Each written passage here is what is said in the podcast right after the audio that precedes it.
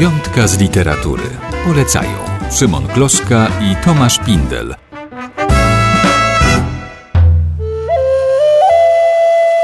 Rozmawiamy o polskich Indianach i polskiej literaturze poświęconej Dzikiemu Zachodowi. Skoro o tym mowa, no to nie moglibyśmy pominąć tak ważnej postaci, y, obecnej przed laty, ale i dzisiaj dostępnej w księgarniach, czyli Wiesława Wernica.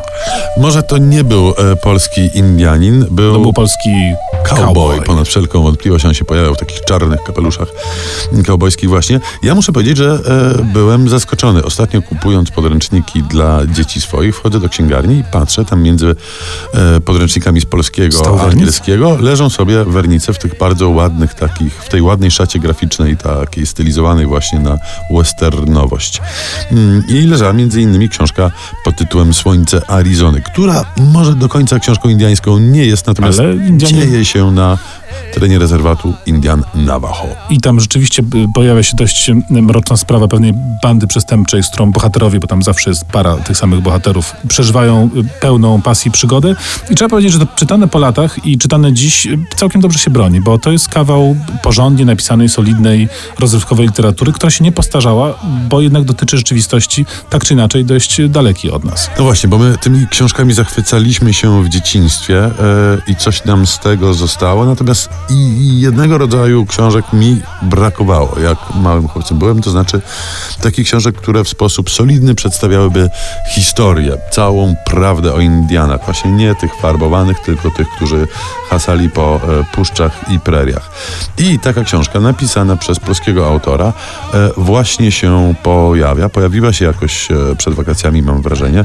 Jarosław Wojczak, Indianie i blade twarze. To jest, mm, są tu te najbardziej znane, najbardziej rozpoznawalne epizody. Od przybycia e, Białego Człowieka aż po Wounded Dni e, pojawiają się też te wszystkie legendarne postacie, typu te Kumsech, Pontiac i tak dalej. I e, wypełnione są te wszystkie e, białe plamy, które my nosimy w głowie, myśląc, myśląc, że Indianie to właśnie Apache, Irokezi i czarne stopy i tak naprawdę nie wiedząc wiele o chociażby e, Indianach mieszkających na południu, którzy budowali piękne i wspaniałe miasta, nie wiedząc wiele o życiu codziennym Indian, którzy nie byli właśnie takimi koczującymi, biegającymi na koniach tylko i wyłącznie myśliwymi, ale uprawiali ziemię i prowadzili stacjonarny tryb życia. Książka też ma w sobie obrazki, które, jak o Indianach mowa, bardzo się przydają. No, obrazków całkiem sporo ma ostatnio z naszych propozycji. To znowu powrót do lektur y, klasycznych z dzieciństwa. Krystyna i Alfred Szklarscy Złotogór Czarnych, a konkretnie mam na myśli ostatni, trzeci tom, bo to trylogia była, Ostatnia walka Dakotów. To kawał solidnej literatury y, przygodowej, ale właśnie zwłaszcza ten ostatni tom jest też po prostu bardzo porządną literaturą historyczną, bo mamy tutaj epizod y, faktycznie z, y, no, schyłkowego okresu y, Dakotów, którzy no, stają przeciwko białemu człowiekowi, czyli jest to ubrane w formę powieści y, przygodowej z y, akcją, postaciami, opisami itd., ale zarazem napakowane jest tam mnóstwo informacji podanych i w głównym tekście, i w bardzo obfitych przypisach, y, także przypisach ilustrowanych. Mamy tam taki klasyczny na przykład przypis z językiem migowym indiańskim, który, którego można w ten sposób się y, nauczyć. I to jest atrakcyjne, łączy w sobie elementy właśnie encyklopedyczne z czysto powieściowymi. I to jest książka, za której pomocą ja próbowałem się e, polskim Indianinem stać i budowałem sobie włóki, e, uczyłem się tego języka mikowego i tak dalej, i tak dalej. Natomiast ci z Państwa, którzy nas słuchają i myślą sobie, no oni przecież na łeb upadli, co to jest za potworna choroba, ta indianofilia.